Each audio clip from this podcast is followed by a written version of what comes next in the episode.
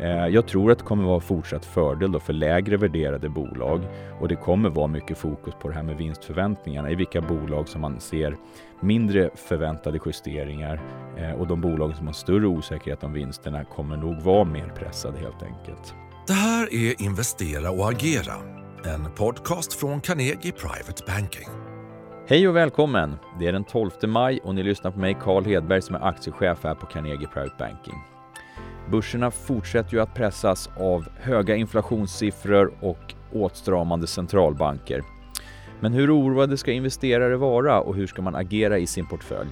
Det tänkte jag att vi skulle prata lite grann mer om idag här och sen även titta lite grann på vilka sektorer som jag tycker man kan vara mer fokuserad på i dessa mer volatila börstider. Och sen kan vi också diskutera lite grann när man kan få se ett långsiktigt köpläge på börsen igen. Men om vi börjar lite grann med marknadsläget. Vi kan ju titta egentligen var vi står nu. Eh, sett sedan årsskiftet så ser vi att OMX30 är ned närmare 20% just nu. Det bredare Stockholmsbörsens index är ner nästan 25% så att vi har haft en stor korrigering redan. Eh, tittar vi på den amerikanska börsen, tittar på breda S&P 500-indexet så är det ner 17% Så att lite mindre än vad Stockholmsbörsen är. Men de har faktiskt tagit i kapp i den här nedgången ganska kraftigt. Eh, S&P är ner nästan 8,5% bara senaste veckan. Så tidigare såg vi större skillnader. Den amerikanska börsen klarade sig bättre än vad den svenska gjorde.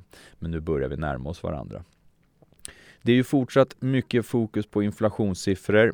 Vi såg senast här i går eh, vilka stora marknadspåverkande effekter det får när siffrorna kommer in och att de avviker lite grann mot förväntningarna.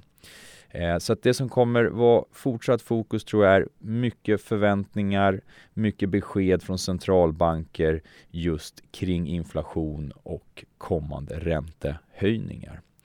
Sen har vi ju den här motvinden då från att man också drar tillbaks likviditetsstödet till marknaden från centralbankshåll. Så att det finns en del saker som kommer fortsätta vara på minussidan när det gäller börsperspektivet. Sen har vi ju även då nedjusterade vinstförväntningar som ytterligare adderar till till det här som kommer fortsätta vara ett osäkerhetsmoment för börsen. Även om vi ser stora skillnader mellan de olika sektorerna här. Eh, och tittar vi i rapportsäsongen så såg vi att den överlag var bättre än förväntat. Men det var stora skillnader som sagt mellan olika bolag och framförallt mellan olika sektorer där några kom in under förväntningarna ganska rejält medan andra kom in betydligt bättre. Men det gjorde att på stora hela så var vi ändå eh, åt det positiva hållet med, med en viss eh, bit mot förväntningarna.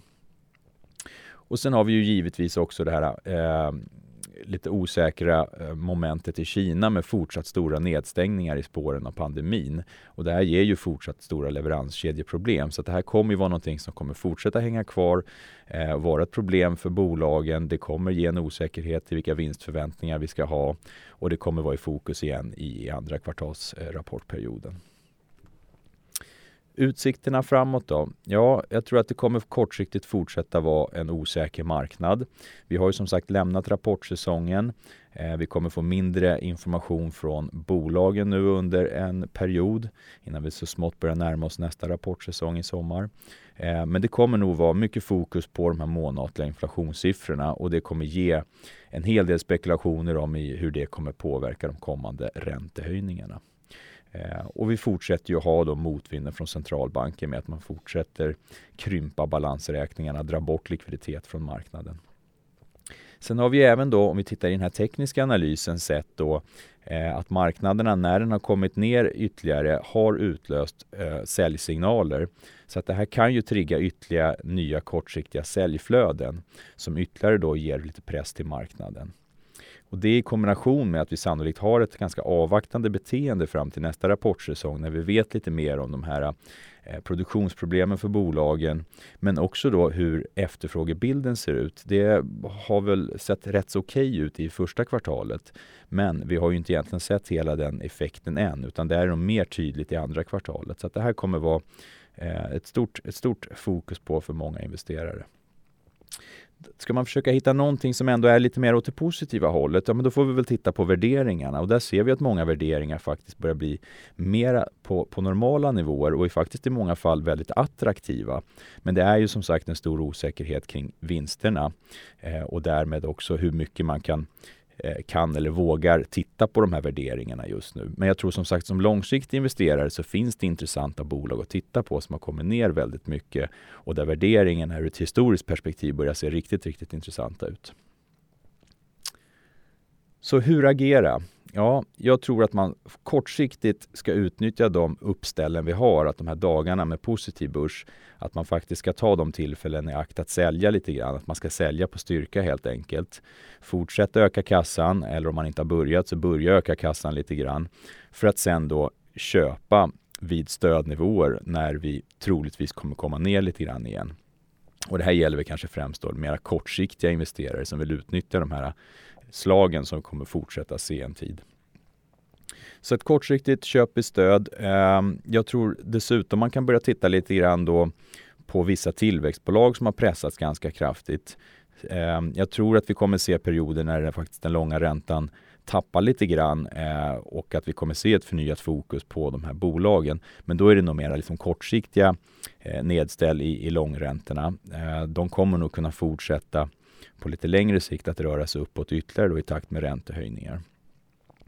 Mer, för mer långsiktig investerare så tycker jag att man kan se över balansen mellan sektorer och välja rätt bolag eller helt enkelt försöka titta på bolag då där det finns en mindre osäkerhet kring hur vinstförväntningarna ser ut. Att man inte kommer se så stora vinstnedrevideringar.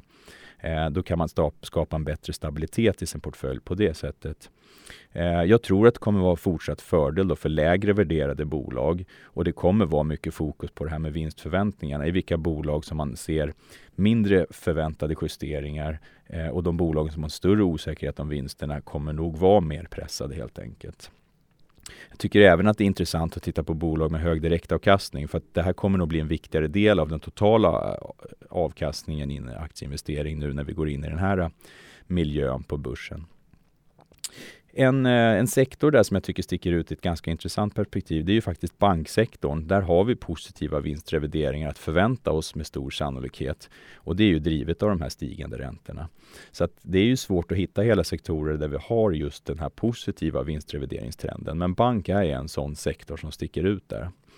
Eh, jag tror även vi kommer kunna se stabila vinster hos teleoperatörerna och där har vi stöd också av bra direktavkastning. Så att tittar man sektorvis så är väl det två sektorer som sticker ut åt det positiva hållet. Ehm, men som sagt, börjar vi se lite tecken på att långräntorna planar ut, då ska man nog selektivt börja titta på en hel del tillväxtbolag som har pressas väldigt kraftigt kursmässigt men som kanske verksamhetsmässigt egentligen inte har, har mött den här riktigt stora försämrade efterfrågan.